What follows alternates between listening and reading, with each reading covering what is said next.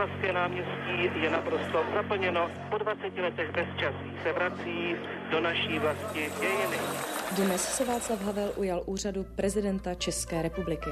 Slibuji věrnost České republice. ODS a ČSSD podepsali tzv. smlouvu o vytvoření stabilního politického prostředí v republice.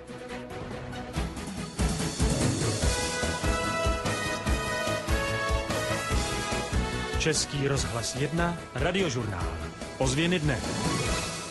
Bulvár, slovo, které se v těchto dnech skloňuje snad ve všech pádech. Máme ho i u nás. Právo vysílat pro celou republiku získala poměrně překvapivě společnost CET21. Je to napínavé, je to napínavé pro nás, pro všechny. Novinář nesmí vyměnit úctu k faktům za většinový souhlas, říká. Mnohokrát se právě za fakta musel hájit. Nikdy ale nerezignoval na heslo, které spolu se spolužáky vyvěsili na fakultě žurnalistiky během sametové revoluce. Chceme psát pravdu. Novinář, spisovatel, držitel ceny Ferdinanda Peroutky a hlavně šéf-redaktor reportážní publicistiky České televize Marek Volner. Vítejte. Děkuju. A příjemný poslech této naší malé novinářské kroniky přeje Barbara Loudová. Tři generace, tři klíčové etapy české novinařiny s těmi, kteří jsou a byli u toho. Speciální podcastová série pořadu Newsroom ČT24. Generace. Tak ono heslo Chceme psát pravdu. Je to pro vás hlavní symbol roku 89? Eh, hlavní symbol spíš té naší studentské vzpoury. Já myslím, že na sametový listopad by si každý vzpomněl s nějakým jiným heslem. Tam byly důležitý hesla jako třeba eh, Miloše do koše nebo hm. na Štěpána bez Štěpána. Mm, tehdy byl absolutní výbuch vlastně té eh, lidové kreativity a ty hesla byly krásný a někdy vtipný. Taky bylo heslo, taky bylo heslo o lži a nenávisti, nebo o, o, o lásce a pravdě, která musí zvítězit nad lží a nenávistí, který prohlásil Václav Havel, čili těch hesel byla spousta. Tohleto naše heslo bylo takový to heslo, který vyselo tam, kde vyselo, nad, naší, nad, nad vstupem do naší budovy a mělo spíš ten význam pro nás, než asi pro cel, celek. Ale, ale, ale mělo to samozřejmě, i listopad byl i o tomhletom, to jako každopádně. V té znělce eh, jsme slyšeli Pavla Pecháčka, tehdejšího ředitele eh, Českého vysílání Svobodné Evropy, jak říká, že Václavské náměstí je zcela za, zaplněno a vrací se do české země dějiny, tak eh, mě u tohohle mrazí. Je to taková jako nějaká věc, co si s tím listopadem jako sto, spojím, tak u čeho mrazí vás, u jaké osobní vzpomínky? Já, mě, mě teďka nemrazilo, já bych musel asi být ve správnou chvíli na správném místě, to teď úplně není, takhle jsem tady rád s vámi, ale úplně jsem nebyl schopen eh, jak si emotivně se prolnout s tou větou, kterou řekl. Eh, na 17. listopad samozřejmě mám skvělé vzpomínky, byla to vrcholná doba v, mém životě, i když jsem byl strašně mladý, tak jsem věděl, že se děje něco zásadního, co mi umožní e, žít tak, jak jsem si přál a představoval a co mi umožní dělat práci, u který jsem, o který jsem si nebyl jist. A na, naopak. Já jsem vlastně se chtěl stát, eh, nebo jsem byl studentem žurnalistiky, protože jsem doufal, že mě ta škola naučí psát. A doufal jsem, že budu psát někde jako sám pro sebe nějaký knihy a literaturu. A že to je cesta k tomu, protože věděl jsem, že tam jsou semináře o literatuře, o povíce a podobně. A, a, a eh, literaturu jsem miloval ze všeho nejvíc víc. No a ten zlom prostě mi pak vlastně jako trochu vzal tu literaturu a zase bohatě, bohatě nadělil vlastně tu, tu profesi. Takže to dění, eh, které vás semlilo, tak díky tomu jste se stal hmm. novinářem. Hmm. No říkáte to dobře, možná semlelo. Já si vzpomínám, já si vzpomínám, že jsem potkal Honzu Jiráka jednou eh, krátce poté, co jsem pracoval v Lidových novinách a já byl elef. Hmm. A on mi říká, Marku, tebe to trochu semlelo, a já jsem si říkal, on je nespravedlivý, protože já jsem začínal. A, a vlastně byl nespravedlivý, nesemlelo mě to, ale je fakt, že když je člověk začínající novinář, tak eh, musí strašně moc eh, se ohánět rukama a nohama, aby ho ten prout nestrhl. A eh, tohle období je prostě pro každýho hrozně klíčový a ukáže se, jestli zůstane u toho oboru a jestli v něm je schopný něco, jak si dokázat sám za sebe, anebo se nechá strhnout a vláčet. A to si myslím, že se nakonec mě jakž takž podařilo, že jsem se nenechal uvláčet, ale e, stojí to strašně moc energie a člověk tomu musí dát všechno. Uvláčet, eh, myslíte tím to, že z té profese zkrátka odejde, že, že v ní nevydrží? Nebo? Jednak, že v ní nevydrží, že odejde a, a za druhé, nebo jednak, eh, když je jenom takový bezejmený kolečko v tom provozu a místo toho, čemu teda jsme teď řekli pravda, ale já to slovo ne, nemám rád, jo, to je dobrý jako heslo, ale eh, jako novinář eh, se držím skromnějších věcí, to vám pak můžu vysvětlit, tak když místo tohohle toho jenom takzvaně klopí ty písmenka jako do toho vydání, jo, ať už je to novinář eh, píšící, anebo v elektronických médiích. Vy byste měl za ty věci nějak ručit, jako mm, důležitou jaksi hodnotou, kterou v sobě máte a, a v tom si myslím, že protože ty tlaky bývají silný na všechny strany i v rámci redakce. Vy samozřejmě se nemůžete stavět na zadní proti svým šéfům, když na to nemáte. Ta, ta, ta, to stavění se na zadní musí být opřený o absolutní jistotu, že to mám všechno dobře podložený. Jo? A ve chvíli, kdy to mám všechno dobře podložený, tak už to udělat můžu. Jak jsem zažil spoustu lidí, který to prostě neudělají, radši se přizpůsobí, protože to může narazit na nějaký problém. Tak i tohle je po, po, po, pro mě teda to slovo uvláčet vydržet a možná eh, se nezaleknout toho, že se, je důležité držet se faktů a nenechat se zkrátka semlít pohodlností? Mm-hmm. Určitě pohodlností, někdy i řekněme konformismem, eh, snahou vyhovět mocným, vyhovět poptávce po, po tom, co by ty noviny nebo ta televize měla dělat kvůli tomu, že to je prostě zrovna teď jaksi mm, většinový názor nebo názor vlády nebo nějakého důležitého představitele, tak eh, to, tohle, je, tohle je v té novinařině strašně důležitý. Já dodávám k tomu, co jsem vždycky říkal, že novinář by se neměl bát mocných, tak se zároveň nemá bát a nesmí bát ani davu. A um, to zvlášť v té dnešní době, době sociálních sítí, ten DAF, já bych řekl, že je už eh, skoro větší hrozba než ta vláda. Mhm.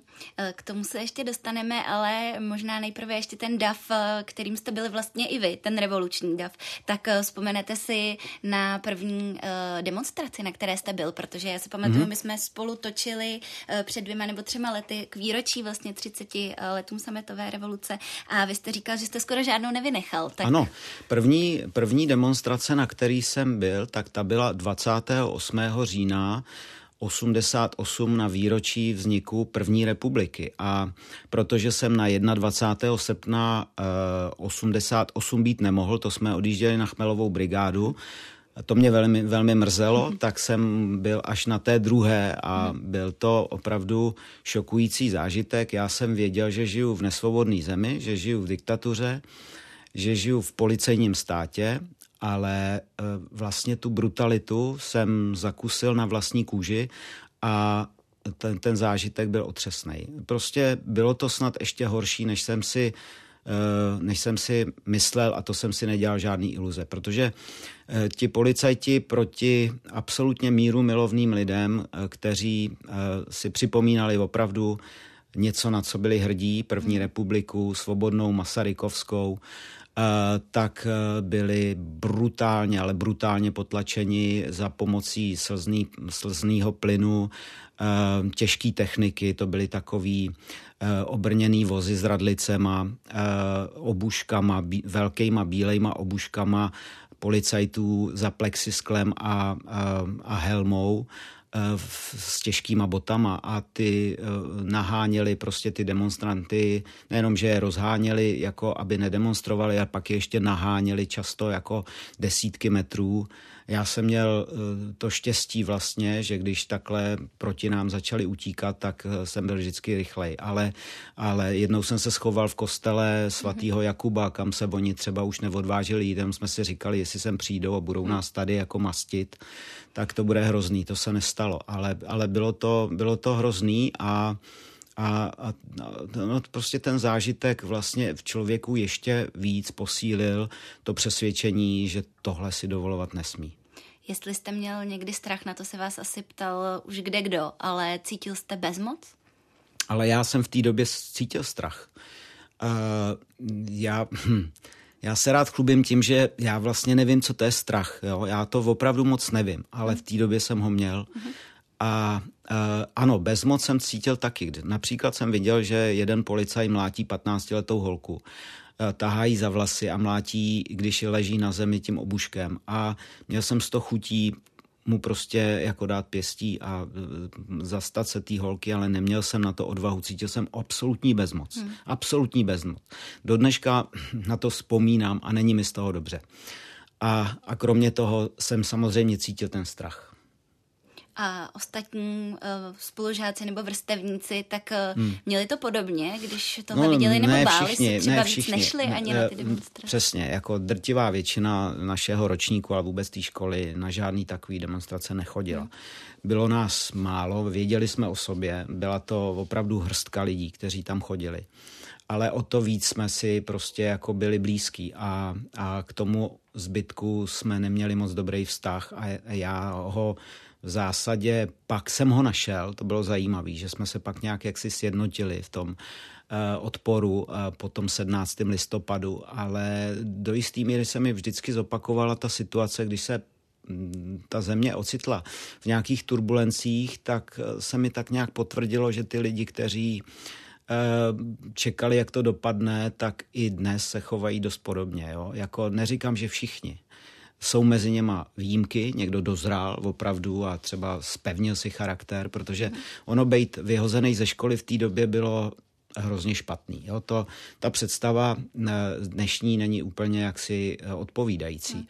Vy máte možnost jít na jakoukoliv jinou školu, ale si vás, když vás vyhodili tehdy, tak jste skončil. A pro chlapa, pro kluka byla jediná cesta, byla vojna, dva roky někde a to jsme prostě nechtěli, ale riskovali jsme to, věděli jsme, že nám to hrozí a já jsem rád, že jsme tohle to riskovali, přestože jsme byli vlastně šťastní, že jsme na té škole byli, byť byla hrozná. Jo. Mhm. V mnoha věcech byla mhm. hrozná, v některých byla zase dobrá, jo. já nechci říkat, že bylo všechno špatný, ne. Mhm. Já jsem taky spoustu věcí, vlastně byli tam kantoři, kteří, u kterých jste věděli, že myslí podobně jako vy, jo. to bylo super. A já jsem psal svobodně ve, v seminářích na Fejeton, u Báry Osvaldový, e, i o Stalinově. Věděl jsem, že se nemusím bát, i když nikdy jste nevěděl, kdo to bude číst ještě jiný. Jo. Ale, ale e, čili byl jste, byl jste vděčný za to, že můžete studovat. Ne, já jsem nechtěl prostě být dělník. Hmm. A taky jsem e, mezi dělníkama moc krát byl, my jsme měli praxe různý a brigády a podobně. A já věděl, že jsem prostě jiný a že chci být e, jiný, že se chci vzdělávat, že mě to baví a že nechci sedět někde u ponku nebo tak. Ale, ale ten, ta výzva vlastně, nebejt, nebejt zbabělej, nebejt skrčený, když se zrovna teď něco děje důležitýho, tak ta byla jako e, chvála Bohu silnější než ten strach. Kdy jste si uvědomili, že už není cesty zpět, bylo to v ten moment, kdy jste začali stávkovat? Mm. Uh, já vůbec ani nevím, jestli jsme si uvědomovali nějaký momenty. Uh, pro mě bylo obrovský vlastně zadostí učinění, že ta škola do té stávky šla, protože já jsem se ještě do poslední chvíle, to byl pátek, ta 17. listopadu byl pátek, tak řekl bych ještě do čtvrtka s těma dětskama různýma, který byli eh, jiný než já, ale byli podobný, měli pochyby aspoň, jo? pak tam byli třeba fanatici. A e, tak jsem se s něma hádal, oni furt chtěli něco předělávat, nějaký koncepce a říkali, proč s náma na tom nespolupracuješ? Já říkám, protože mě to vůbec nezajímá, já nechci tady dělat koncepce v rámci nějakého svazu mládeže, aby to bylo furt jako s, s hlavní úlohou komunistické strany. A dokud se tohle nezmění, tak ty koncepce nemají vůbec žádný smysl. A oni možná i správně říkali, ale má, my budeme prostě krůček po krůčku a e, reformovat. Jo? A e, mě to nezajímalo. No a tak jsme se hádali často e, a pak jsme se najednou přestali hádat, protože v sobotu dopoledne, když tyhle moje kamarádky dostali flastr na národní třídě, a já přišel na, e, do, do, do, koupelny a oni tam stáli v kalhotkách s modrejma, prostě jeli tam a na zadku tak uh, jsme se najednou rychle jako shodli a oni řekli, měl si pravdu, tohle nejde, jako to je, to je konec. Oni prostě, uh, my se furt tady snažíme diskutovat a oni na nás vytáhli obušky. Jo, takže to, to jako hrozně moc jako věcí jakoby vyjasnilo. Hmm. Takže jste se všichni nastěhovali do školy? A no, ne všichni, jste... ne všichni, ale, ale hodně, hodně velká část toho, to bylo právě skvělý.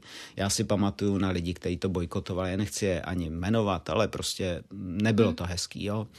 Eh, opírali se o autoritu eh, komunistické strany a eh, argumentovali tím, že tohle není ta cesta a podobně. A nakonec zvítězila ta většina asi zřejmě, nebo prostě většina, kterou ale vede pár lidí. Jo? To hmm. prostě my jsme je museli přesvědčit, těch lidí, kteří se postavili dopředu před tu třídu a řekli dost, tak za stolik nebylo a pak jsem se vlastně dozvěděl od kamaráda eh, dneska poslance Pavla Žáčka, který eh, mapoval vlastně ty estébácké aktivity, že si nás samozřejmě všechny vedli jako v evidenci, že věděli přesně, kdo je ve stávkovém výboru a co říká a jak to je. A kdyby to dopadlo blbě, to už víme dneska, jo, ale tehdy jsme si takové otázky nekladli.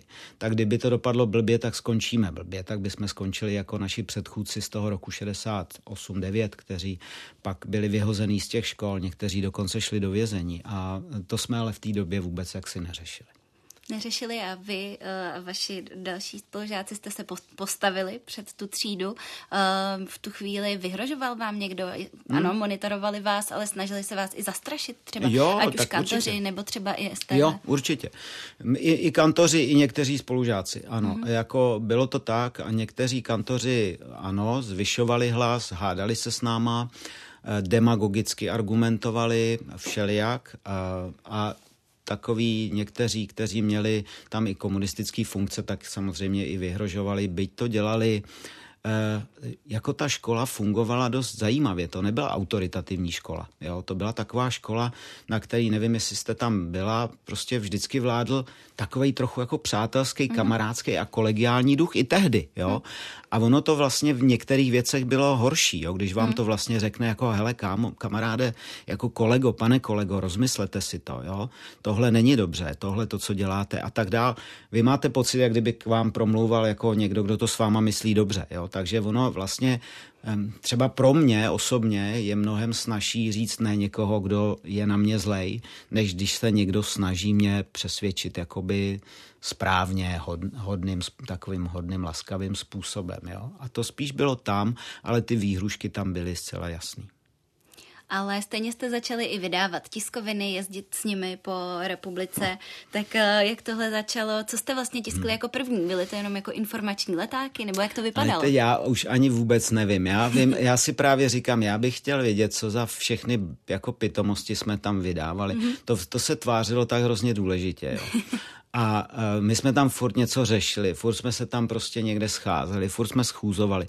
Oni jsou z toho i nějaký záběry a přesně skoro je to nesrozumitelný, co si vyprávím, protože jsou to nějaký administrativní jaksi záležitosti. Mm-hmm.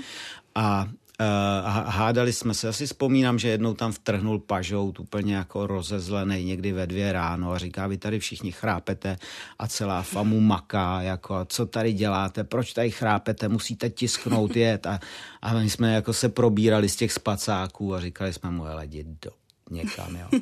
Jako nech nás spát, co, co, co tady šílíš, co, co je to za hysterii, jo. Čili tam vznikaly i hysterické momenty, tam vznikaly prostě jako takový bouře a hádky, protože to byla ponorka taky, jo. Hmm. Čili to, já už to úplně všechno jako nevím. Já v tom mám, eh, já v tom mám strašně moc mlhy.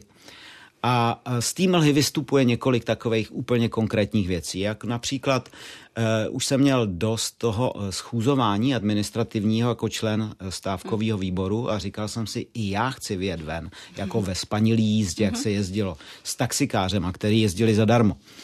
A tak jsme s kamarádem šli do domu Úřečický, kde sídlila vlastně centrála taková informační, tehdy informační servis, mm. ze kterého vznikl Respekt. A tam byla spousta plagátů, tam byla spousta textů a my jsme je tam nafasovali a vyjeli jsme vlastně na severy distribuovat a lepit na sloupy a dávat je různě do fabrik a podobně, což bylo teda nesmyslný. A, no a to si vzpomínám, že když jsem tam přišel, chtěli jsme si vyzvednout ty, ty plakáty, tak zrovna v tu chvíli pustili Magora z vězení, Ivana Martina Jirouse, který tam přišel už pořádně jaksi rozkurážený a všem tam nadával, že jsou to hlupáci a že on chce být básník a žádná revoluce ho nezajímá. A bylo to hrozně vtipný, to byl takový historický moment. Mm-hmm. A, a pak taky tu cestu s tím taxikářem na ten sever, kdy mi eh, taxikář usnul za volantem a já se převzal v, v, řízení a, a bylo to taky docela dobrodružný.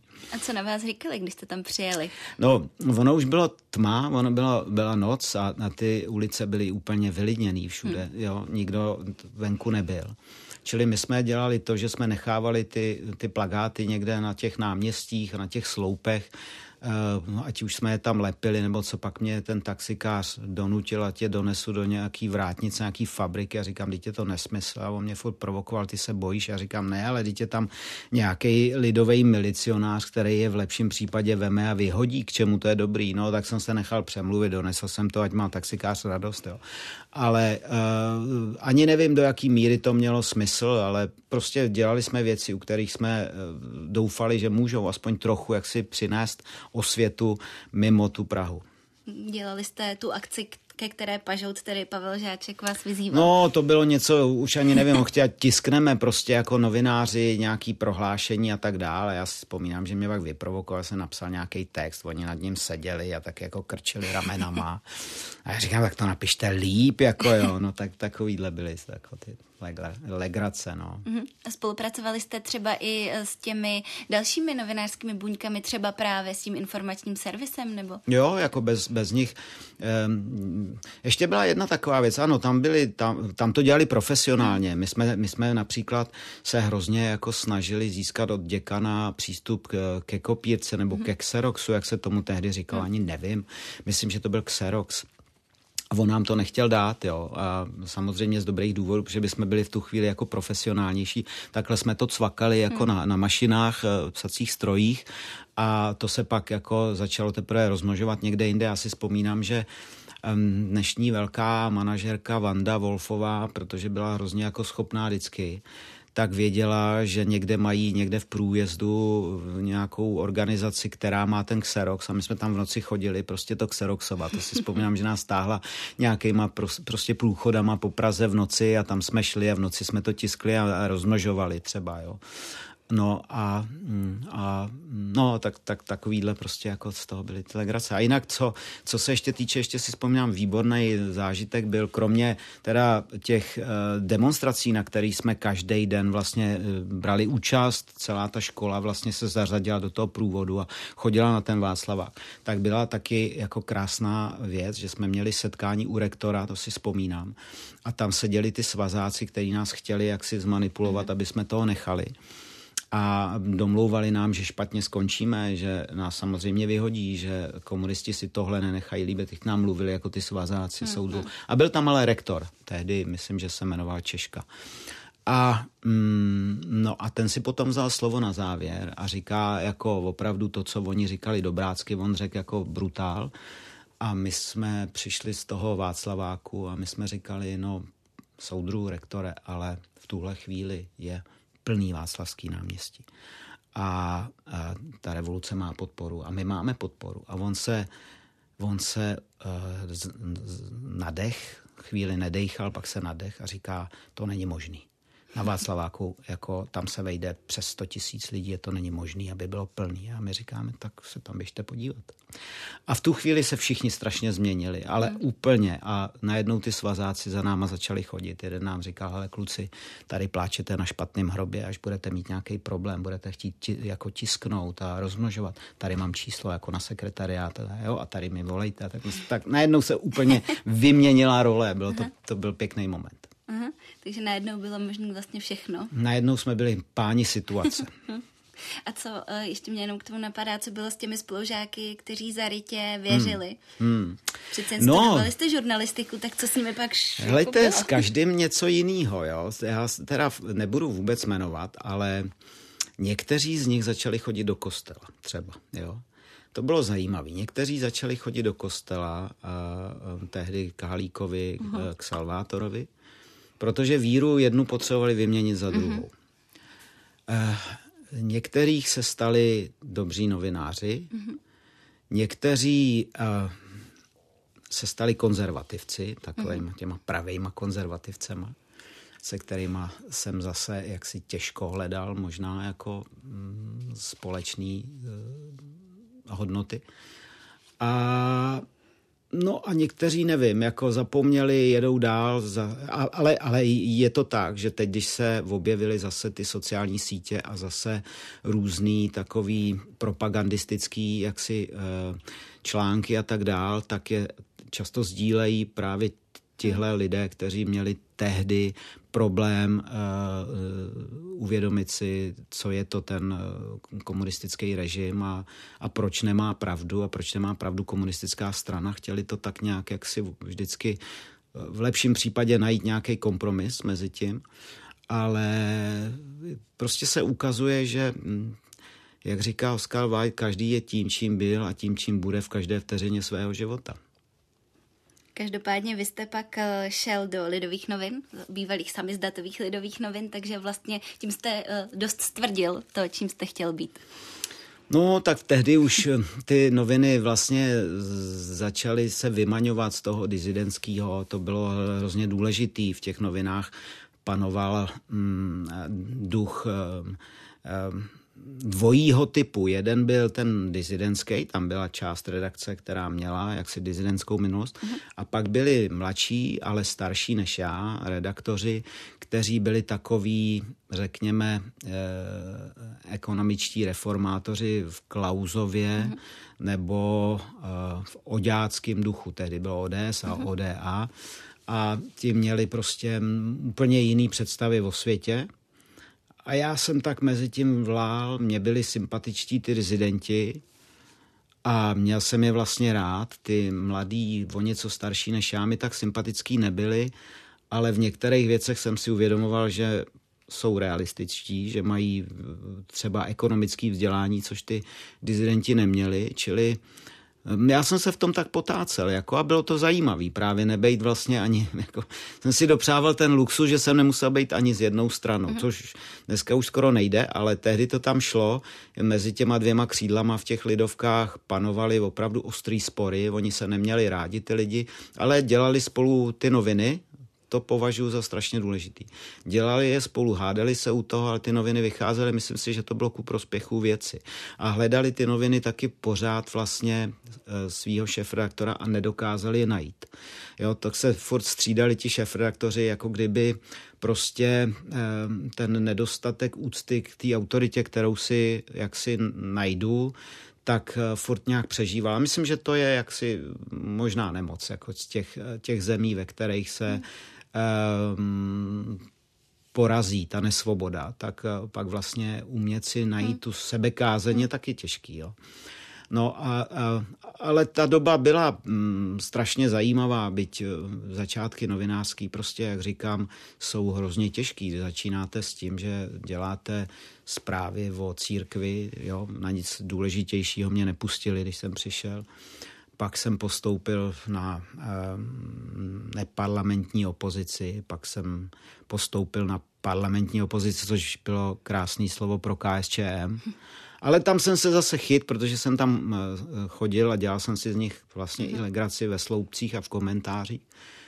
No a, no a pak jsem dostal tu nabídku do Respektu, kde teprve jsem, bych řekl, se hmm, začal uh, seznamovat s tím, co je opravdu jako dobrá žurnalistika. Mm-hmm. Myslím, že tam byli prostě fakt skvělí novináři, kteří hlavně se nezdráhali předávat to know-how a to ani jinak nešlo. Prostě ty noviny měly jednotnou uh, tvář a tu jednotnou tvář určoval tehdy šéf reaktor Ivan Lamper, mm. byl hrozně silný jako mm. v argumentaci, taky hrozný prudina, bylo, nebylo moc dobrý se s ním pustit do křížku.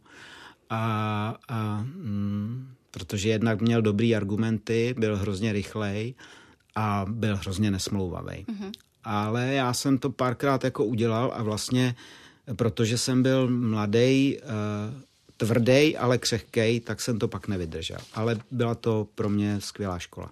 My jsme tady měli právě v podcastu eh, Jaroslava Spurného a vzpomínal na to, že vládl opravdu pevnou eh, rukou Ivan Lamper a že si hodně zakládal na editaci. Že to bylo vlastně jako velice náročný ten text nejenom napsat, hmm. ale jako doodevzdat. No a že to byla skvělá novinářská škola. Tak to s tím souhlasíte? No Ježíš, samozřejmě my jsme s Jardou seděli ve stejném kanclu a mm-hmm. Jarda byl samozřejmě zkušenější kolega, který Ivana znal dlouhý léta, a my jsme s, s Jardou a, a s Jindrou Šídlem vy, hmm. vytvářeli strategie, protože my jsme byli jediný vlastně takzvaný domácí rubriky, my tři. Jo. Hmm. A vytvářeli jsme strategie jak na Ivana. Jo. A třeba Jarda vymyslel, že se budeme vzájemně podporovat. A to hmm. ale skončilo hned na první poradě, kdy prostě Jarda se mě zastal a Ivan mu řekl, Jardo, ty se musel zbláznit. A už to opravdu říkal tak ostře, že Jarda malinko jako zacouval a bylo to zase tam, kde to bylo. Jo. Takže uh, Ivan samozřejmě drsně přepisoval, drsně přepisoval někdy, uh, někdy skoro bych řekl, že přepisoval víc, než by bylo zdrávo, ale byl to uh, geniální editor a jako hlavně byl, byl geniální stylista. Hmm. Jeho jazyk byl prostě podle mě z té doby úplně nejkřišťálovější. Hmm jeho jednoduchá věta, ve který je opravdu jádro. Myslím, že to nikdo neměl. A to jsem zažil dobrý autory, jako je Jiří Hanák, jako byl Jiří Hanák v Lidových novinách, který jako tak čechral ty metafory. Jo. A to Ivan neměl rád. Ten to chtěl mm-hmm. prostě napálit bez nějakých velkých metafor, ale říct tam tu pravdu a to, to, to, jako, to, to mě fascinovalo. Takže tam jste se uh, učil nebo naučil psát? To nevím, ale hodně mi to pomohlo hmm. určitě, hlavně, eh, hlavně Mm, v tom hledání odpovědí, jo? Mm. nebo hle, uh, uh, ano, uh, kladení otázek a hledání odpovědí a, a když vám někdo z té odpovědi uhne, tak v tom textu to musí být poznat, že mhm. uhnul. Mm. Jo? Mně vlastně přijde jako úplně šílený to, co se dneska děje, ale ono se to děje už dlouho. Spravodajský text, který vedle sebe postaví dva protikladný názory, a jde od toho s tím, aby si o tom udělal názor divák ale div, nebo hmm. čtenář. A ten ale nemá šanci posoudit, jako která z těch stran e, má pravdu, když mu nezdělíte další fakta. A je musíte eh, sdělit. Jestli je v tu chvíli neznáte, tak je musíte najít. A musíte mezi těma protikladnýma názorama ukázat, že nejsou stejně pravdiví, když nejsou stejně pravdiví. Protože říct jako eh, tohle je stůl černý a když proti tomu někdo řekne tohle je stůl bílej, tak vy prostě přece musíte přinést důkazy, že jeden z těch dvou lidí neříká pravdu. A to si myslím, že se dneska nedělá vždycky, jdeme od toho rychle pryč, protože to znamená vlastně vyhrotit ten konflikt. A k tomu jako taky musíte mít jako trošku odvahy. Vlastně, jo. Některý z těch lidí se na vás budou škaredě dívat a budou, nebo budou říkat, to není váš úkol novinářů. Vy hmm. máte přece jenom přinést eh, záznam o, o těchto těch různých pravdách. A jestli je to pravda nebo nepravda, to už nehodnoťte. Ale já si to nemyslím. Řekl byste, že je v dnešní době těžší s novinářinou začít, než to bylo tehdy? Ježíš, já to neumím posoudit, protože eh, nikdy neumíte vstoupit do toho uh, jiného času, hmm. věku, zkušeností. Já si myslím, že to je vždycky těžký. Prostě novinařina je těžký obor a je to seniorní obor, ve kterým prostě vlastně teprve časem eh, člověk uzrává. Nikdo není dobrý novinář, když začíná. Opravdu myslím, že nikdo. Jo? Může být asi dobrý básník ve 14, když je geniální, 15 nebo v 16, že nějakou zvláštní náhodou a intuicí eh, vyslovuje pravdu, jo? jako Rembo nebo někdo takovej. Když neměl nažito, tak um, mu ten jazyk jako my médium stva, vytvářel nějaký světy. Ale to se novinářů nemůže stát. Novinář je prostě spíš racionální, jaksi povolání a, a, a tam se samozřejmě promítá i to um, vnitřní, nějaký citový, emotivní, hodnotový, ale, ale taky jako ta zkušenost a, a, a práce vlastně analytická a víc syntéza. A čím víc vlastně toho máte eh, za sebou, tak tím podle mě můžete pravdivějc vypovídat o tom světě, protože už uh, můžete lépe prostředkovat mezi těmi jednotlivými pravdami. Vy jste měl obecně ale štěstí uh, na to, kdo vás vedl, uh, protože pak jste šel do týdne, kde byl šéfem Karel výjížděla. Tak jaké to bylo pod ní? No, Karel byl mm, přítel Medvídek a, a mm, Karel byl takový fakt hodný táta, taky jsem u něj bydlel nějakou dobu, když mě skončil pod nájem ze dne na den, takže Karel, Karel, já myslím, že už mě novinářsky moc jako ne, nemohl dát a Karla jsem měl vždycky moc rád, protože to byl prostě jako strašně fajn člověk a fajn kumpán. Sám měl za sebou samozřejmě zajímavou jako novinářskou kariéru, ale pro mě byl strašně určující prostě ten, ten, ten šílený a geniální Lamper. Mm-hmm. A potom v týdnu eh, jste se věnoval hodně tématu Slovenska, eh, jezdil hmm. jste tam často.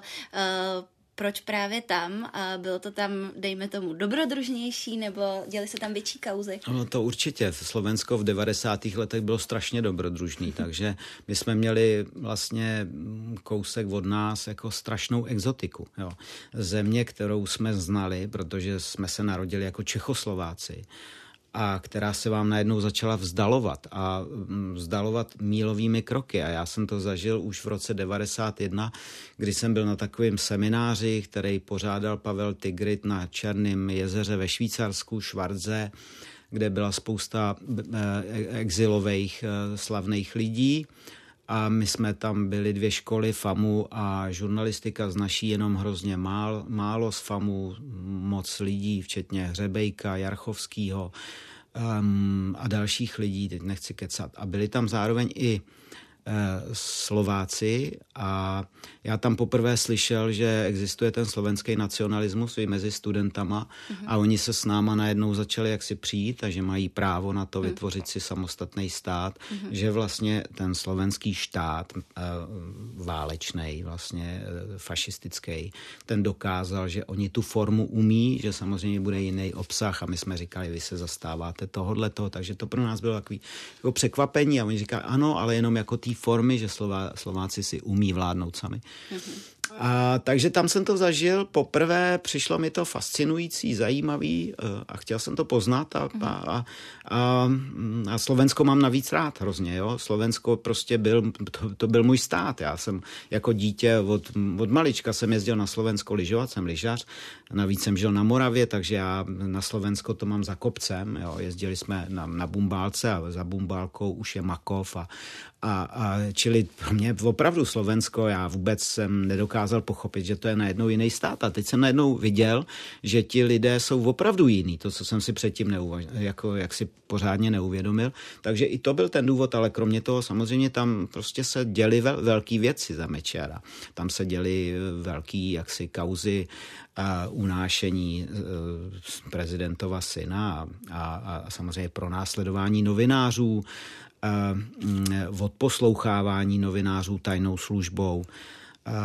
No a, a obrovská škola vlastně studium politické demagogie, jo, jak vlastně ten nacionalismus dokáže najednou jak si přihrávat body člověku, který mně byl odporný ten Mečar. Já jsem tomu ne, nechtěl jaksi věřit, že tohle mají Slováci za svýho jaksi premiér. A, a, a ten nacionalismus jako hrozně silný, jak, jaksi element. Eh, myslel jsem si, že to je historický relikt, že už to nikdy nebude, že jsme poznali, co je to ten nacionalismus jako z, z dějin a že tomu nebudeme přikládat váhu. Tady v Čechách se říkalo, všechno bylo občanský, že jo? nic nebylo národní. Jo? A to národní se k nám vrátilo teprve v posledních letech. Jakoby z, z, zase jako vyhodili jsme to uh, dveřma a přišlo to oknem. Hmm. Zmiňoval jste to pro nás sledování novinářů, tak eh, stalo se vám to taky? když jste uh, byl přímo v... Já na Slovensku jsem byl dokonce zavřený a můžu říkat, jsem byl zavřený za Mečera, bylo to jenom 6 hodin, bylo to ve, ve, ve, ve, ve kde to bylo, Žar, Žar, Žar nad Hronom, teď, teď, teď si nejsem úplně jistý, jak se to tam jmenovalo, poblíž Ladomerská věska, rodiště Mečera. My jsme mhm. tam jeli vlastně dělat reportáž o tom, jak probíhá referendum o vstupu do NATO, což si Mečer nepřál a lidi to bojkotovali. No a během té naší vlastně návštěvy Sokolovny, kde se mělo odehrávat to hlasování, tak po nás vystartoval Mečerův bratr a zavolal na nás policajty a a ještě nám zlomil vlastně aparaturu, zlomil nám uh, foťák, foťák a, a my jsme byli uh, zavřený asi pět nebo šest hodin a ten můj kolega to nes hrozně jakoby těžce, musím říct, byl z toho v šoku. Hmm. A já jsem si to ale užíval. No. Já jsem prostě si půjčil od policajtů, takhle to bylo srandovní, jo, nešlo o nic. Já jsem si půjčil od eh, policajtů mince a naházel jsem je do mm, budky telefonní, protože ještě jsem neměl mobil. Mm-hmm. A zavolal jsem kolegům novinářům do redakce. Ještě to bylo tak paradoxní, že jsem zavolal do nějakého časopisu Včela. Tam jsem jim řekl, co se stalo. Mm-hmm Přestože bylo v, v seznamu napsáno, že to je, eh, nevím, asi eh, SME, redakce SME, tak se mi představili, já jsem jim to povyprávěl ten příběh a ta paní mi řekla, no nedoval jste se do SME, ale do včely.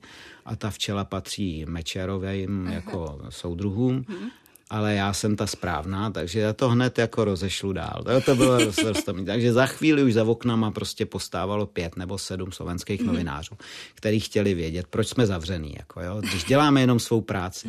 No takže já jsem se paradoxně stál jako uh, na 15 minut slavnej na, na, na Slovensku dřív než v Čechách jste měl opravdu jako hrozný štěstí, že jste se dovolal někomu, kdo byl zrovna jako ta správná. Je to otázka, jestli to štěstí, nebo to takhle prostě chodilo, jako v každém špatném režimu, že i mezi těma úředníkama jako tý moci je, je spousta těch, který ta moc hrozně jako štve a proto spolupracuje s tou druhou partou.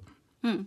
A přeci jen tady ale probíhala jistá deziluze taky v Česku, eh, kdy vy jste eh, měl možná ten první pocit, že, eh, nebo tu ztrátu ideálu, kdy jste měl hmm. pocit, že třeba ta politika není tak jako... Jo. No, to, to úplně konkrétně. To, mě nevadil ještě rok 95, kdy bylo jasný, že ta Klauzová zázračná ekonomická reforma není tak zázračná. Hmm to jsem měl pochopit, jako že se dějou nějaký omily, že to není všechno dokonalý. Ale tajný konto ODS v roce 97, to jako každopádně a, a to nebylo jenom tohle, to byly ještě ty tajní sponzoři a falešní sponzoři, kdy si z nás vlastně dělali legraci Rajiv Sinha a, a Lájoš Báč a všechny tyhle ty jména, to byl velký otřes Samozřejmě k tomu eh, všechny ty různé zprávy, které některé se nedali potvrdit, ale ukazovali, že ta privatizace eh, někomu vynáší víc hmm. než jiným eh, v tom smyslu, že i to bylo tak nastavené, aby to prostě tak jako dopadlo. To, to, to, to jako se mi nelíbilo. Do dneška mám mm, jako k té době rozporuplný vztah, protože přinesla jako ten rozkvět svobody, která byla nádherná, tak se domnívám, že eh, prostě ta, ta klauzová ekonomická reforma minimálně od toho roku 95 už měla vypadat úplně jinak a on už tam ani asi neměl být. Tu chvíli už jste se na tom i novinářsky podílel? Jo, jo, jo, to jsem, to jsem začal samozřejmě v té době dělat a, a, a snažil jsem se tomu porozumět. Bylo to, a, musím říct, na člověka, který nemá ani, ani 30, jako hmm. velice složitý. To, to, to byl asi taky jako problém, že jo, protože tady byla předtím garnitura novinářů, který měli vlastně pošpiněnou minulost tím, že byli propagandisti, dělali v komunistických médiích a, a ti museli odejít a pak přišli prostě lidi mladí, kteří zase jako mm, ještě neměli ty zkušenosti. To, to, co říkám, to se nedá, to se nedá přeskočit. Jo? Prostě deset let v, v tomhle oboru je strašně moc a my jsme jako začínali, neuměli jsme všechno poznat a rozpoznat a, a, a, a odhalit a, a porozumět tomu. Eh, kdyby to bylo dneska, tak bych si samozřejmě s tou situací uměl poradit líp, než když mi bylo prostě 620. Jo.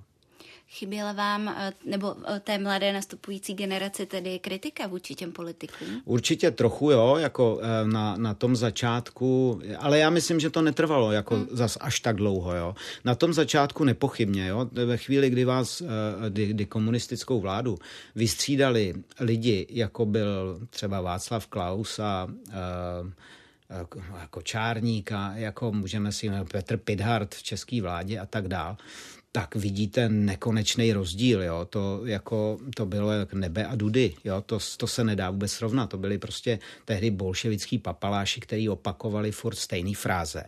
A s realitou to nemělo nic společného. Najednou přišli fakt chytrý lidi, kteří mluvili v souvislých větách a vypadalo to, že prostě neexistuje problém, na který by oni neuměli jak si správně odpovědět. Jo? No a tak říkám, když je vám těch 20, 21, tak eh, máte mnohem složitější situaci tomu rozumět. Když jsou to lidi o generaci starší, tak samozřejmě víte, že oni ví víc. Navíc se tomu věnovali třeba té ekonomice a tak. Takže na začátku bych řekl, že toho odstupu určitě nebylo moc. Já jsem hmm. začínal teda v roce 92, ale tam, jak hmm. říkám, v těch novinách už byli kritický lidi, ale, ale zase pro mě vlastně nebylo tak zajímavý, když to kritizoval Jirka Hanák z pozice vlastně dizidenta, který mu moc nevoní tržní ekonomika. Jako když to eh, kritizoval Karel Kříž, který byl z, z hnutí eh, nebo ze strany ODA a ekonomice rozuměl a když kritizoval Klauze, takže hmm. jsem viděl, že tam to sedí víc. A možná, že byl taky slabý ještě v tom, jo, v té kritice. Zase to měl celkem blízko k té vládě. Ta ODA sice bojovala s ODS, ale byli spolu ve vládě. Já se domnívám, že jsme to začali číst opravdu hodně až po tom eh, zlomu těch té eh, poloviny 90. let. V tom roce 97 už bych řekl, že, že už jsem věděl dost. A ne, ne, samozřejmě furt se člověk učí, jo, ale, furt jsem, ale věděl jsem dost na to, abych věděl, že s náma často ty politici nehrajou tak čistě, jak jsme si představovali. To bylo jako zklamání, ale zase pochopitelně Eh, prostě naivita toho, že najednou přijde nějaký jiný režim a všichni budou v něm hodný, no to prostě je opravdu naivita. Není to tak. Jo. Přišel pak eh, náraz eh, v tom vztahu novináři politiky, politici, i když jste přišel do české televize a přišla televizní krize? No, to byla další, to byla dost, dost, dost velká bomba, protože já, když jsem dělal v těch soukromých médiích, tak uh, jsem nezažil tlaky vůbec. Hmm. Jo, to neexistovalo. A, a, a taky si to někdo mohl zkusit. Jo. Ivan Lamper by s ním jako vymlátil dveře. Prostě hmm. nebylo to možné. Hmm. Včetně toho, že, že tomu Ivanovi volali lidi, kteří s ním byli kamarádi, jako e, ministr vnitra Honza Ruml a podobně. Hmm. A on tu redakci hájil, protože jako jsme se snažili dělat dobrou práci a, a když jsme je kritizovali, jakože jsme je kritizovali, Mm, tak eh, mm, prostě mm, ani kamarád jako z ministerstva vnitra nemohl s lamprem, po, eh, lamprem pohnout. A když jsem přišel sem, tak jsem najednou viděl, že ty tlaky jsou násobně větší a že je taky násobně větší opatrnost těch lidí, kterou jsem nejdřív vnímal jako čistě zbabělost a postupem času jsem pochopil, že je to někdy oprávněná jaksi obava o to, aby se děli fakta. Protože my jsme eh, v tom respektu taky jako často mm, někdy jako šlápli vedle. A mm, i za to se ten Ivan uměl postavit. Jo? Mm-hmm. On prostě vlastně jako lidsky dokázal pochopit, že um, žijeme ve, ve velice skromných poměrech, malá redakce, neexistuje fact-checking, jako na to mhm. celá parta a děláme investigativní věci, kde vám ty lidi nechtějí něco říct. A soudí se s váma uh, politik, protože řeknete, že jeho polobotka je černá, ona byla hnědá. Jo? A to ten Ivan uměl prostě pochopit, když šlo mm-hmm. o mhm. takové věci. No a tady ale jsem viděl v té televizi, že byl strach i z toho, když jde jenom o odstín té boty, jo? Jako, protože se to samozřejmě mnohem víc jaksi řeší, že se to bere vážně, že to má obrovský dosah. Takže tak postupem času jsem zase i já tady pochopil, že je něco nového, co se můžu naučit, a že prostě jaksi um, ta pokora k těm faktům je hrozně jako důležitá věc a to, myslím si, umí a dělá nejvíc jenom ta česká televize. Pěstuje to v lidech jaksi nejvíc. Jako neexistuje žádná, podle mě, jiná redakce, kde by se to bralo až tak strašně vážně. A on se možná ale proměnil i vztah eh, těch politiků k novinářům, že si eh, v 90. letech asi nedovolili to, takový odpor, možná i to, že by odešli z rozhovoru nebo jako vyhrožovali novinářům no, třeba. To si myslím, že, je, že je prostě tím, že ti novináři byli dětičky. Mm. A mhm. oni si taky nedovolili k ním. Mm. Jo? Že to prostě mm. je ruku v ruce. Mm. Že já z roku 20 ve, ve svých 25 letech, tak jsem si určitě nedovolil k politikům to, co si dovolím v 50, když jsou třeba o 10 let mladší než já. A, a, a takže tohle s tím určitě souvisí. Oni byli na začátku vlastně v měkkém prostředí, kde si skoro mohli cokoliv dovolit. Když se podíváte tady na debaty, já nevím, jak se to jmenovalo, třeba co týden dál nebo co, tak ti moderátoři jdou těm politikům na ruku. Jo. A teprve časem se vlastně ten novinář dokázal emancipovat a postavit se někam jinam a jo, jako někdy hmm. i nad něj, nad toho hmm. politika. Takže to si myslím, že uh, začalo eh, jaksi gradovat postupem času, protože um, politik většinou, když jde do té politiky, skoro, skoro vždycky, aspoň z těch lídrů, jo, tak tak má sebevědomí jak eh, Montyvrist. A já bych řekl, že to je jeden z základních předpokladů. Není to předpoklad pro toho, kdo sedí někde vzadu v poslanecké lavici a v životě nevystoupí, ale z těch, co chtějí hrát ty první housle, to mají skoro všichni, jak říká Miloš Zeman, že novináři jsou sebevědomí a nevzdělaní, tak já bych mohl podobně asi mluvit o politicích a možná, že uh, takhle, mně se dneska už zdají taky nevzdělaný, jo? a když jsem byl mladý, tak samozřejmě se mi zdáli vzdělaný. A teď jenom protože už jsem vlastně asi starší než je většina z nich, tak mám někdy pocit, že nejsou moc vzdělaní. Ale to sebevědomí podle mě je základní jaksi předpoklad u, u, u, u toho jít do politiky, zatímco mm, u té novinařiny to bych řekl, že to teprve jaksi, jaksi tak jako přirozeně vychází z toho, jestli ten novinář uh, uspěje nebo ne. Jo? A, a uh, čili to, to, to, to, tím to asi jako je, že dneska máme jako konečně už generaci novinářů, kteří dospěli do středního věku, něco za sebou mají, něco umí, něco dokázali a proto je přece krucifix, nebude furt někdo jaksi školit jako malý žáčky. To zní, uh, jakože gro té uh, profese je vlastně pokora.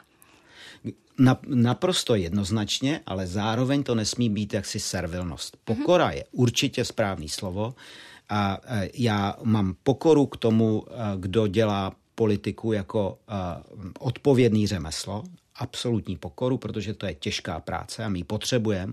A já odmítám takový paušální výroky, že politika je unblock svinstvo. Není. Potřebujeme politiku a potřebujeme v ní čistý lidi a potřebujeme v ní lidi, kteří nebudou, nebudou vlastně dokazovat, že politika je svinstvo.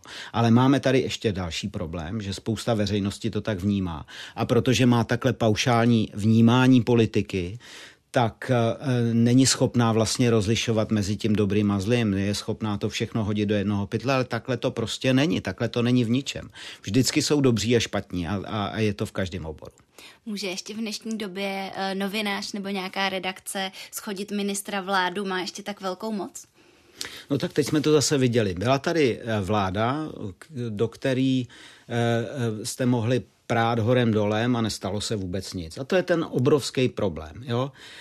Um, premiér Babiš byl trestně stíhaný, měl nebetyčný střed zájmu, který je absolutně jaksi, to byl fenomenální v rámci celé Evropy, možná celého světa. A, a, a měl spoustu dalších průšvihů a všechny ty průšvihy odbýval jaksi tím, že jsou to lži, že to je kampaň a e, že si to na něj vymysleli prostě Bakalovi média, Kalouskovi média a podobně. A to je děsivý. Tohle je děsivý. Tohle je popření prostě politické kultury a e, to vnímám jako e, obrovskou zátěž celé české politiky, protože on tady furt je s tím letím postojem. A pak tady máte teď novou vládu, z níž jeden ministr musel odstoupit ještě než se ministrem vlastně stál. A kvůli nějakým darům a kvůli nějakým jaksi půjčkám, které šly od tamtud nebo ono, teď on mohl úplně stejně říkat, nic jste mi nedokázali. To je všechno politický komplot, to je všechno spiknutí. Já jsem nic špatného neudělal. To mohl opakovat dál. On místo toho se sebral a šel pryč. A um, stejná politická strana vrací nebo chce vrátit dary, protože se u nich zjistilo, jsou jenom za 3 miliony teda, ale jo, tak se u nich zjistilo, že mají nějaký nejasný uh, dárce, ne, ne, nejasný dárce a ta strana je bude vracet. Já ji nehájím tu stranu, že má takový dary. Já ale vnímám jako absolutně klíčový a to je pro mě nejvíc, že uh, na tu kritiku ona dokáže čelit tím, že jí přijímá a Stejně tak jako poslanec, který odjíždí na stáž do Ameriky a po kritice se vzdá poslaneckého mandátu, to si myslím, že je jaksi na místě, to je správný, ale co s tím, když tady máte potom balvany, skutečný balvany, který kdybyste eh, je přistihli eh, s rukama v kase, tak oni budou říkat, že jste si to vymysleli, že to je kampaň. V tu chvíli nefunguje ta demokracie jako celek, protože vy víte, že každá vaše kritika tady těchto těch lidí, co jsou teď u moci, tak ta nějakým způsobem zafunguje, ale když měříte, jakože my novináři musíme měřit, všem padni komu padni, padni, tak tím jenom přihráváte vlastně těm, kteří se ničím neřídí, kteří se řídí jenom svou vlastní vůlí k moci a tam, eh, tam to končí. Tak to je obrovský problém naší demokracie a vnímám to jako důležitý. Já nevím, jak vynutit vlastně něco, co, co vynutitelný není, pokud neexistuje správná kultura, eh, politická kultura. To vlastně by mělo být dostatečný pro voliče té strany, aby od takovýhle partaje dali ruce pryč. Jenže tam je jak, jaká, jakýsi fundament lidí, kteří odmítají se řídit realitou, odmítají se řídit kritikou, toto všechno odmítají, protože tady náš guru a toho my chceme za každou cenu a za všech podmínek, protože hájí naše hlediska. Tak to si myslím, že to je obrovský problém a, a, a my jako novináři s tím samozřejmě jako se těž, těžce vyrovnáváme. Byla tady někdy tak uh, vysoká politická kultura, protože občas se to kritizuje v souvislosti s dnešní dobou, že uh, kdysi přeci jen to fungovalo jinak, že média, novináři měli větší moc, že politici to chápali, že prostě je tady nějaký vztah, že se vzájemně potřebují, že je nějaký veřejný zájem a že se to jako dobou mění k horšímu. Uh, tak myslíte, že je to tak, nebo že to bylo... Já si myslím, že samozřejmě ta politická kultura se vyvíjela, že nikdy prostě nebyla byla moc hmm. dobrá, jo, protože vznikla eh, před 30 lety, začala vznikat před 30 lety. Ten, ten, ten, ta, ta absence těch 40 let toho komunismu je samozřejmě na té společnosti znát. Hmm. To znamená, lidi si vybrali strany jako fanoušci svůj klub a ten klub prostě podporují, ať se děje, co se děje. Nemají od toho odstup. A to dneska ale vidíme bohužel na celém světě. To, co jsme si mysleli, že to je dědictví toho komunismu, tak je hmm. vidět, že s pomocí sociálních sítí je možné to udělat vlastně všude i v Americe. A e, takže ta kultura měla svoje limity. Ty limity byly zcela jasný, nebylo to automaticky jako na západě, že v Německu vám rezignuje prezident, protože obsal nějakou diplomovou práci. Že v Británii rezignuje ministr, protože sehnal protože sehnal vlastně privilegovaně pas svý chůvě to bychom vůbec ani u nás neřešili, hmm. Kriste pane, takovou věc. Ale vůbec. Hmm. Jako ani novináři ne. My jsme se všichni jaksi zasmáli. To chceš tady jako kritizovat ministra za to, že jeho chůva dostala přednostně nějaký pas. A takže ta kultura hmm. taková je. Nebyla nikdy moc jaksi vyspělá. A, ale, ale, ale věděli jsme, že máme následovat tento vzor. Eh, aby, řekl bych, že to byla i dost obecná eh, a zažitá představa ve, ve veřejném mínění. Ale pak přišlo něco, a samozřejmě s nástupem Miloše Zemana a Andreje Babiše, kdy tuto kulturu, západní kulturu politickou, oni programově jaksi chtěli vygumovat a řekli, tohle neplatí, i když Miloš Zeman kdysi dávno v těch dobrých časech říkal, že pokud jde o politika, platí prezumpce viny ve smyslu politické funkce, ne ve smyslu trestním. Nikdo nezavírá Andreje Babiše za čapí hnízdo, dokud to neřekne soud. Ale prezumpce viny ve smyslu politické funkce, tak jak to říkával Miloš Zeman v dobách, kdy se u nás touto eh, politickou kulturou, aspoň slovně, hmm. řídili politici. A pak přišla doba, kdy se ani slovně touhletou hmm. politickou kulturou neřídili a u Miloše Zemana nastává doba, kdy řekne, že platí prezumpce neviny a tím je to vyřešený a myslí tím trestní i politickou vlastně jako rovinu. No a to teda vlastně ten progres nejen, že se zastavil, ale řekl, řekl bych, že jsme dali zpátečku a jedeme takzvaně vpřed do minulosti. Takže o to víc máte teď potřebu uh, odhalovat ty balvany, o kterých jste mluvil. No, já nevím, jestli mám víc potřebu. Já vlastně ne, nemám, eh, nemám nic víc, než to, co, jako na co narazíme. Já v té práci jako si neříkám programově, pojďme tohle, mm-hmm. nebo to, co máme, co jsme našli, co jsme objevili, kde jako je nějaký problém, kde, vy, kde to vypadá, kde vyplouvá na povrch nějaký skandál nebo nějakou, nebo, nebo, nebo nějaká jaksi utajená skutečnost, která um, vypadá podezřele. Eh, čili to není takhle, že by byla o to větší. Já se jenom zamýšlím nad tím, jak vlastně může dopadnout ta eh, celá, celá oprávněná potřeba měřit všem stejným metrem, když jedněm měříte stejným metrem a oni odstupují a druhý měříte stejným metrem a oni říkají, nás to nezajímá, tohle je kampaň, tohle je spiknutí prolhaných novinářů to vypadá, že je tady samozřejmě jakási velice nevyrovnaná a nevyvážená situace a já jako novinář si opravdu nevím rady úplně. Mm, to se vám stalo někdy v minulosti?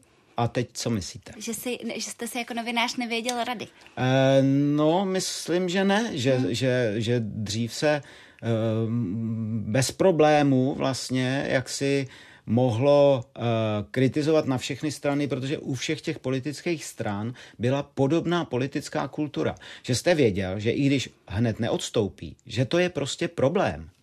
Že to není strana jednoho muže, který jak si řekne, takhle to je a všichni ostatní mlčej. Že i když ten muž řekne, já jsem v pohodě, tak tam má politický konkurenty, který se budou snažit využít téhle jeho chyby, tohodle jeho nedostatku, tohodle jeho problému a budou tam kolem nich vznikat křídla a ty křídla pracují na tom, aby se tenhle ten problém jak si vyřešil v rámci celé partaje. A tady máte místo toho partaj, ať už jde u, u Andreje Babiše nebo u Tomia Okamury, kde je jeden vůdce a, a, a hvězdná pichota. Mm. A ta se řídí jenom tím, co řekne ten vůdce a ozývají se vám, ať už tihle nebo jiní politici, s tím, že se jim nelíbí to, co o nich točíte a píšete? No tak to je samozřejmě furt vidět. Mě rád si bere do úst Tomio Okamura, který mě furt vyzývá, abych něco odhaloval. Přesně tak, abych odhaloval každou prkotinu, když jde o hnutí stán, nebo já nevím co, to si představuje, že bychom měli udělat reportáž, protože nemůže zapomenout, že jsme ukázali, jakým způsobem se uh, zneužívaly peníze v jeho hnutí úsvit, kdy odcházely uh, zcela netransparentní faktury do různých uh, reklamních agentur v řádech prostě milionů a kde ty reklamní agentury sídly jako v baráčku někde mezi bezdomovci, jako na zah- nějakým zahradním, zahradní kolony a jeho prostě neustálý výzvy takový jsou ale a, a, a často samozřejmě i těch jeho followerů, aby jsme udělali tady o tom nebo o onom, i když to nemá vůbec žádnou relevanci a nedělali bychom to ale ani o Okamurovi, rozumíte? Oni prostě pak by chtěli, že oni si myslí tyhle lidi, že měřit stejným metrem je, že eh, když někdo eh, eh, uklouzne na schodech, tak je to prvotřídní prostě skandál, o kterém bych měl točit. A je to úplně stejný, jako když někdo pumpuje peníze prostě do nějaký divný agentury. Jo. Tak to prostě není. No který z politiků někdy překročil tu hranici nejvíc v té vaší novinářské No tak určitě Okamura a Babiš. A Okamura eh, dokonce eh, s drzostí sobě vlastní o mě říká, že jsem podvodník. Samozřejmě to je drzost, já bych měl odpovědět stejným způsobem, ale eh, nechám si to pro sebe. A uh, Andrej Babiš tím, že o nás řekl a pak i o mě osobně, že jsem skorumpovaná pakáž a nejsem ani jedno a musím mu říct jenom, že si musí zamést před vlastním Prahem. Jo. A to tak bejvá, že ty lidi, kteří vás tímhle způsobem nálepkujou, tak eh, je to podle sebe soudím tebe. Změnilo se v tom vztahu s politiky třeba to, že dřív vám to řekli osobně nebo zavolali osobně, zatímco teď se to děje veřejně? Hmm. No to ani ne, já musím říct, že mě většinou takhle osobně nikdo nevolal, aby mě hmm. nadával, ale, ale uh, občas to řekli, ale jinak, ne, hmm. ani tak. Já vím, že nejvíc asi uh, si na nás schlazoval žáhu, když si Mirek Topolánek řekl něco jako uh, o reportérech ČT, ale já musím říct, že v porovnání s těmihle těmi výroky to ani vůbec jaksi nelze brát vážně. Jo. Jo, jasně, říkali, oni rádi říkali ty politici, včetně Miroslava Kalouska, že točíme na objednávku hmm. třeba, jo, a to jako se mě tehdy dotýkalo a vlastně z dnešního pohledu to vnímám jako úplně jaksi legrácku, jo, to ať si klidně vlastně říkají, jo. A tohle přišlo až s reportéry, nebo uh, už předtím jste zažíval takovýhle tlak? tak nejvíc v těch reportérech. Já hm, předtím nemůžu říct, že bych zažíval nějaký tlak. Eh, Vy jste předtím taky dělal hmm. ještě v spravodajství Jo, jo, jo tak tam se, ano, ve spravodajství se, jo, ve spravodajství se, se, se to objevovalo, ale to byly spíš uh, zákulisní tlaky, hmm. jo, to byly hmm. zákulisní tlaky. A to Já, jste dělal politiku? Dělal, dělal, dělal jsem hodně politiku. Hmm. Já si vzpomínám na pár takových výtočníků, kteří mě a, a Daniele Drtinový kdysi vyhrožovali, že po nás půjde, když odvysíláme to a to. Hmm. A, takže jo, jako, ale bylo to v zákulisí, hmm. mnohem hmm. víc v zákulisí. Řekl bych, že uh, tehdy si, si dovoloval na ty novináře útočit uh, v přímém přenosu jenom Miloš Zeman. A samozřejmě Sládek, ale to bylo všem pro smích. A ten váš přechod ze spravodajství do publicistiky, eh, když se ještě dotkneme tohohle, tak eh, eh, chtěl jste to, bavilo vás spravodajství, jak to bylo? No mě to bavilo právě, jo. Já jsem tam byl strašně spokojený. My jsme měli úžasnou partu tehdy. Já si vzpomínám, že to byla mm, doba, kdy jsme fakt byli obrovský kamarádi. Mm-hmm. Tehdy byly takový rituály, že se na všechny ty události jsme se chodili koukat hromadně do kuřárny, to bylo tam na Velíně takový místo, který bylo za sklem. Tam bylo zahuleno, že se tam nedalo dejchat, skoro nebyl vidět v obraz, jak tam byla, jaká tam byla mlha. A seděli jsme u toho, komentovali jsme to, byla to hrozná sranda. Jako, a pak jsme šli domů kolem té půl osmí a ráno zase zpátky a začalo, začalo, to, začalo to snídaní společnou Jo, pak jsme chodili často uh, hrát uh, kulečník nebo biliár nebo, nebo, uh, nebo bowling. Takže bych řekl, že, že se hrozně moc jako ta redakce držela pohromadě. Jsme byli všichni stejně starí nebo mladí a um, taky jsme soutěžili, kdo bude mít víc citací. Řekl bych, že tady byla taková zdravá konkurence. Já si to nechci úplně idealizovat, ale mě to hrozně bavilo. To se s kolegů stali kamarádi. Uh-huh. Jsem přišel vlastně úplně jaksi odinut a nejdřív říkám, jsem se rozkoukával, nebylo to úplně ono. A pak jsem prostě jsem zapad a a cítil jsem se asi úplně nejlíp ze všeho svého působení kdy, protože to fakt byla skvělá parta. A, um, no a pak vlastně se mi z toho nechtělo, když uh, skončil mm, týdeník Fakta, oni potřebovali udělat novou publicistiku. Mně se do toho nechtělo, protože Fakta měli podle mě docela dobrou pověst a byli to taky kamarádi hm. a skončili spíš z politických důvodů. Takže mě se nechtělo dělat kariéru na jejich rakvích, takže jsem s tím dost váhal, až mě nakonec jaksi nemilosrdně Zdeněk Šámal do toho jako nastrkal. A mm, eh, takže jsem toho litoval na začátku, ale tak, tak nějak rychle jsem eh, se do toho vpravil, protože zase ten formát je cesta dál. Já hmm. jsem si tak jak si představoval, že možná to je moje budoucnost, už když jsem dělal v tom spravodajství, hmm. protože s publicistikou jsem měl vlastně velké zkušenosti, největší. Dělal jsem hlavně publicistiku, dělal jsem týdeníky. Hmm tak eh, že to nebyla nějaká velká křivda, jo, ale eh, chvíli to trvalo a hlavně bylo nutné konsolidovat tu redakci, která vznikala a která nevěděla kudy kam a co vlastně je a jak to má dělat.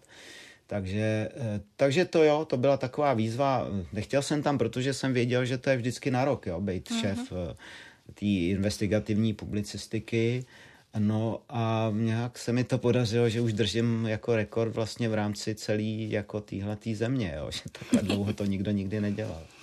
A vlastně i ta forma je stále stejná. Vy jste tomu no, dal nějakou tvář a ta To jo, akorát se samozřejmě snažíme být furt lepší, že uh-huh. se mhm. snažíme jak si vyvíjet ten, ten tvar.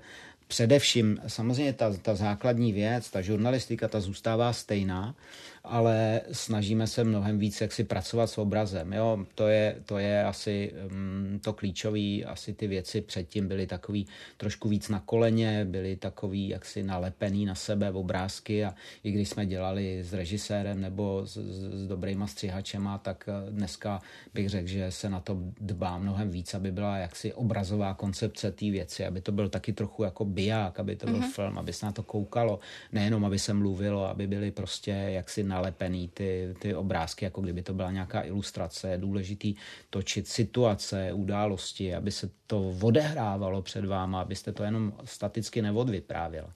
Takže ta televizní forma vám nakonec eh, přirostla k srdci. Jo, jako já teda musím říct, že mám furt rád i psaní. Pro mě asi psaní je nejpřirozenější jaksi výrazový prostředek a rád se vyjadřuju psaním, proto když přišly sociální sítě, tak jsem to vlastně hned využil, jsem měl nedostatek toho psaní, mm-hmm. ale e, je to zase jako ještě povýšený o, o ten obraz a myslím si, že jsem pochopil, co je dobrý obraz a co není dobrý obraz. To obrazový vidění se možná neměl úplně na začátku, jaksi tak e, vypěstovaný. No z těch eh, všech kaus, které máte za sebou, eh, tak eh, co byste vypíchli jako tu největší nebo ty největší? Na co jste třeba i nejvíc hrdý? Já to nějak asi neumím úplně jak si pojmenovat. Já musím říct, že hm, já jsem rád, že mě ta redakce funguje, že samozřejmě jsme měli nějaký úbytky lidí, co za, za ty roky ehm, se musí stát, že mi odešli i lidi, který jsem měl rád, ale prostě hm, ta práce je opravdu spalující žár, jo? to jsou vysoký pece a vy se prostě u nich spálíte a taky někdy vyhoříte. Jo? A, a, a někdy to bylo náročné, ale vlastně skoro všichni ty lidi, co jsem tady měl, tak byli jaksi hm, dobrý pro mě i lidsky a, a museli do toho něco dávat svýho. No a mm, proto bych nechtěl vyzvedávat nějakou jednu věc nad druhou. Mm-hmm. Pro mě je nejdůležitější, že e, prostě jste schopen dát dohromady deset lidí, kteří mají podobný jaksi eh, odhodlání dělat takhle nepříjemnou práci a dělat ji vlastně eh, podle mě mm, jako samozřejmě na úkor vlastního zdraví, času a, a, někdy i za cenu toho, že, že po vás jdou mm, mocní lidi a dneska ale navíc i ty takzvaný hejtři a vlastně vám uh, zošklivit prostě třeba jako nějaký volný den. O tom v rozhovorech mluvíte často, že těch útoků eh, zvenčí dost přibývá, že ti lidé vlastně eh, nevidí v televizi to, co by utvrzovalo jejich názor a tak se ozvou. Eh, je to sociálními sítěmi, je to nebo i tou pandemí, zhoršila to? Tak je to sociálními sítěmi a ty sociální sítě využívají potom jednotlivý krize k tomu, aby hmm. vytvářely vlastně ty propasti ale to nejsou sociální sítě jako takový, ale ty uživatelé hmm. tedy sociálních sítí a samozřejmě ty opinion lídři, ty, ty lidi, kteří mají eh, ten vliv na to, jako oslovit nějakou část těch lidí, tak určitě to je tohleto, protože eh, za starých časů, když to nebylo, tak ti novináři, když měli mezi sebou různý jaksi eh, rozepře a viděli svět jinak, tak eh, se ne, ne, nemohli pohádat o to základní. Jo? To základní je, že tady jede tramvaj a má tolik a tolik kol. Dneska se ty lidi hádají právě o tohle, jestli je to tramvaj, jestli to jsou kola, jestli to je eh, trolej. A tohle je vyčerpávající, protože v tom právě vidíte ten, ten obrovský problém. Jo? Ten problém eh, eh, novinář eh, který má nad sebou hierarchii editorů, tak se samozřejmě musí držet těch faktů, zatímco ty takzvaní autoři na těch sociálních sítích si můžou jaksi fakta úplně vymyslet, takže to nejsou fakta a, a vlastně zaměňují dojmy s pojmy. A když tohle to děláte a máte ty lidi dost dobře zpracovaný, což opravdu vidím, že je snadný, tak um, oni uh, potom těch, kdo ty fakta říkají, dělají lháře. A to je to nejhorší. Jo? Jako není problém, že s váma někdo nesouhlasí. Problém je, když vám někdo jak si vmete do tváře takovouhle urážku, protože my jako novináři a já, jak jsem vám říkal, co začalo, čím začala moje kariéra, hmm. tak eh, já nejsem žádný lhář a hm. vůbec hmm. jako by mě to netěšilo, k čemu by to bylo. Jako to ztrácí smysl ta práce. Jo? Úplně. Jenže máte lidi, kteří vůbec nechápou, že ta práce má nějaký smysl. Oni si myslí, že to je jenom spiknutí všechno. No a když tohle to si ty lidi myslí, tak jim vlastně vůbec nic ne, jak si eh, nevysvětlíte. Jo? Ne, ne, nemůžete dojít ke společnému jaksi jmenovateli vůbec. A e, samozřejmě stojí to na dvou věcech. E, nevědění a popírání reality. Nevědění a popírání reality. Ty věci se velice silně jaksi doplňují, hmm. jedna bez druhý úplně nemůže být a e, k tomu můžete dodat jenom jakoukoliv spikleneckou teorii a už to funguje. A, a pak vás vlastně, pak vám, pak vám tyhle lidi říkají, že e, všichni e, vládci na planetě jsou řízený z jednoho centra a farmaceutické firmy, nebo já nevím, kdo to řídí prostě a ty všichni ovládají novináře a vědce a lékaře. A všichni tihleti lidi, kteří dělají pro druhý něco, tak jsou ve skutečnosti jenom ti podvodníci a lháři, kteří vás chtějí ovládat. No, tak to je prostě jako smutná pravda. My novináři jsme zvyklí s tím vlastně bojovat, ale není to snadný. A teď jsem zaregistroval to, že samozřejmě pro lékaře ta situace hmm. často nová, neza, hmm. nezažili to. Někteří z nich ani nevěděli, že jsou takzvaný fake news a dezinformace, hmm. teď to zjistili. To, o čem my mluvíme už několik let, tak zažili na vlastní kůži a někteří z nich už proto ani nechtějí chodit do veřejného prostoru, protože hmm. nejsou zvyklí na tu situaci. My jsme takový blázni, bych řekl, masochistický, který to dělají dál, přestože jim ty lidi jako takhle vošklivě, jak si nadávají, spílají a, a um, tu práci prostě musíme dělat dál. Má smysl těm lidem odepisovat, reagovat na ně? No mě všichni vysvětlují, že nemá, jo, ale já si nedám říct a já prostě to dělám, protože pro mě je to někdy zajímavý, jo. Mm-hmm. Já musím říct, že pro mě je to vlastně všechno poznání, dokonce testovat i vlastně meze té lidské nevědomosti je pro mě dost zajímavý. A takže eh, asi to smysl nemá, ale může to mít smysl v tom, že vy chcete vědět, jak ta nevědomost vlastně funguje. Jo.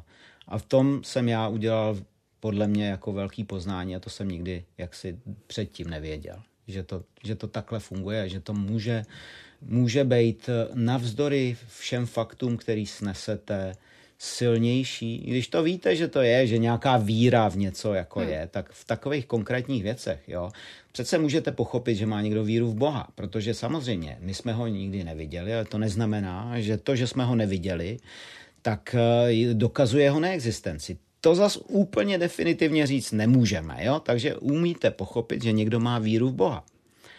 Ale když někomu řeknete, že je tady covid a on vám řekne, že není, tak to je tako, trošku jako horší na pochopení, jak může takovou věc tvrdit. Jo? Hmm. Čili nevědomost, popření reality, spiklenecká teorie, víra. Podařilo se vám někdy to někomu vyvrátit na sociálních sítích? Přesvědčit? Ne, to ne. Jako, hmm. Mně se několikrát podařilo, a to je vždycky velká katarze, eh, eh, že někdo uzná moje fakta. Stává se to velice vzácně, ale když přijde někdo hmm. s tím, že má už tu hotovou hmm. uh, víru ve spikleneckou teorii, tak to je vyloučený. To opravdu nejde. Ani s ním nejde vlastně moc diskutovat, jenom se můžete pobavit, uh, vy sám vnitřně, jestli vás to zároveň nezarmoutí, jak eh, to vlastně dokonale funguje, jaký je to uzavřený systém, do kterého nelze vstoupit do toho uzavřeného systému. Já jsem to zažil za komunismu, protože bylo pár přesvědčených komunistů, který jsem poznal, nebo jich bylo víc, nevím, jestli prostě bylo jich, bylo jich několik. A ty jste nepřesvědčili nedostatkem toaletního papíru, ty jste nepřesvědčili nedostatkem triček uh-huh. nebo čehokoliv jiného, ne, nemožností cestovat na západ, e, železným drátem mezi hranicema, ničím. Prostě všechno to bylo tady úplně nejlepší. I kdybyste prostě jako měl jezdit Trabantem, tak oni vám řekli, že to je furt lepší než já nevím co jiného, jako třeba Mercedes, protože v Mercedesu jezdí jenom ty bohatý, ale taky je tam spousta těch, který leží na, jaksi na, na dlažbě a nemůžou nic jiného. A takový je kapitalismus. Mm, prostě jim ten zápal pro věc nikdo nevzal. Ne, ten jim, tu, tu víru jim nikdo nemohl vymluvit a bylo to úplně marný. Uh-huh. Uh, já bych ještě na závěr tady uh, s jednu vaší citaci si dovolila přečíst. Vy jste říkal v jednom rozhovoru, že uh, vaše původní uh, idealistické přesvědčení o tom, že novinařina nebo že novináři jsou nejlepší lidi na světě už dávno neplatí, uh-huh. že jste se mnohokrát spálil a že v 90. letech nebyli nepoctiví novináři, ale že jste zkrátka během té uh, doby narazil na lidi, kteří uh, v té práci mají nepoctivost a, nepoctivost a její až moc. Tak uh, Myslíte si to stále, nebo v to věříte, v tu práci? Nevím, jestli to není příliš jaksi příkrý a, a příliš skeptický. Já si furt myslím, že mm, mm, mezi novinářema je strašně moc dobrých lidí a, a poctivých lidí a vlastně, když eh, si vemete, že to je dneska žebříček eh, povolání někde jako opravdu vzadu, hmm. eh, tak to vůbec neodpovídá realitě. Jo. Já to chci teď jenom, ale nechraň Bůh, aby si někdo myslel, že závidím lékařům. Lékaři jsou první, jo. Hmm. A uh, já jim to přeju, protože dělají strašně důležitou věc. Jo? A já si myslím, že, že samozřejmě jim to patří, náleží. Teď nevím, co to udělá jako během té covidové krize a já myslím, že budou mít stále první místo. Hmm. Zatímco ty novináři, kteří často i za ty lékaře nastavují tu kůži, protože jak si obhajují jak si ne, vědecký poznání, jo, a I když ani vědecký poznání není stoprocentní, protože nic není stoprocentní, ale tady se bavíme o nějakých pravděpodobnostech a nikoli o jistotách. Jistoty poskytoval jenom ten komunistický režim. Ten poskytoval tu jistotu. Ten říkal, naše pravda je vědecká a nic jiného. Tak tady ale věci nejsou takový věci, jako byly za komoušů, že na to mají ideologický štempel. Oni na to mají statistiky, oni na to mají výpočty, oni na to mají prostě procenta pravděpodobnosti a že jim procenta pravděpodobnosti jaksi někdy nefungují, to jako je podle mě jaksi pochopitelný, protože ta práce je neskutečně jaksi složitá, jak si léčit vůbec cokoliv, když přijde nová nemoc a tak dále. Čili já chápu v některých věcech, že jsou uh, jejich odhady nepřesný, to chápu. Zatímco tady máme dezinformátory, kteří se mílí od začátku až do konce a nejenom, že mílí, oni často lžou, oni vám říkají o tom, že, že tady byl Gates, který vás chce očipovat, že vás práškujou letadla jako a, a já nevím, co všechny ty blbosti, co si budeme jmenovat, tak všechny ty jejich jejich pitomosti jsou automaticky považovaný za správný a když se vám vědec jaksi netrefí eh, do eh, desetiny čárky nějakého procenta, tak už je to lhář nebo podvodník. No a já tím chci jenom říct, že, že pro nás novináře, který samozřejmě se, se držíme nějakého racionálního jádra toho, co děláme, jinak bychom to nemohli dělat, tak, tak je ten, ten, podle mě, to ocenění vlastně společenský trošku jaksi nespravedlivý, jo? Že, že i v těchto těch dobách, já bych řekl, že my stále jaksi eh, odnášíme i každý omyl, kdyby to byl poctivý omyl těch věců. A my to dostáváme zpátky, jako kdyby to byly omily naše, jo?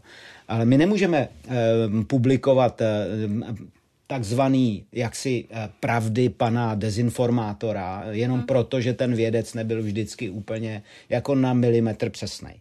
A přesto to děláme dál a neseme tu kůži na trh. Někteří z těch vědců se radši už vzdali i s svý vlastně povinnosti něco vysvětlovat veřejnosti, protože za to slízají eh, opravdu hořký pilulky.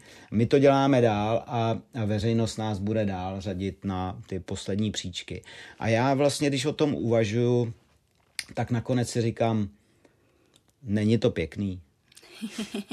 Takže uh, jsme vlastně my novináři takový dizidenti stále. No já nevím, jestli dizidenti, ale trošku v téhle době jsme obětní beránci. Jo? Jsme trošku obětní beránci všeho možného. Jo?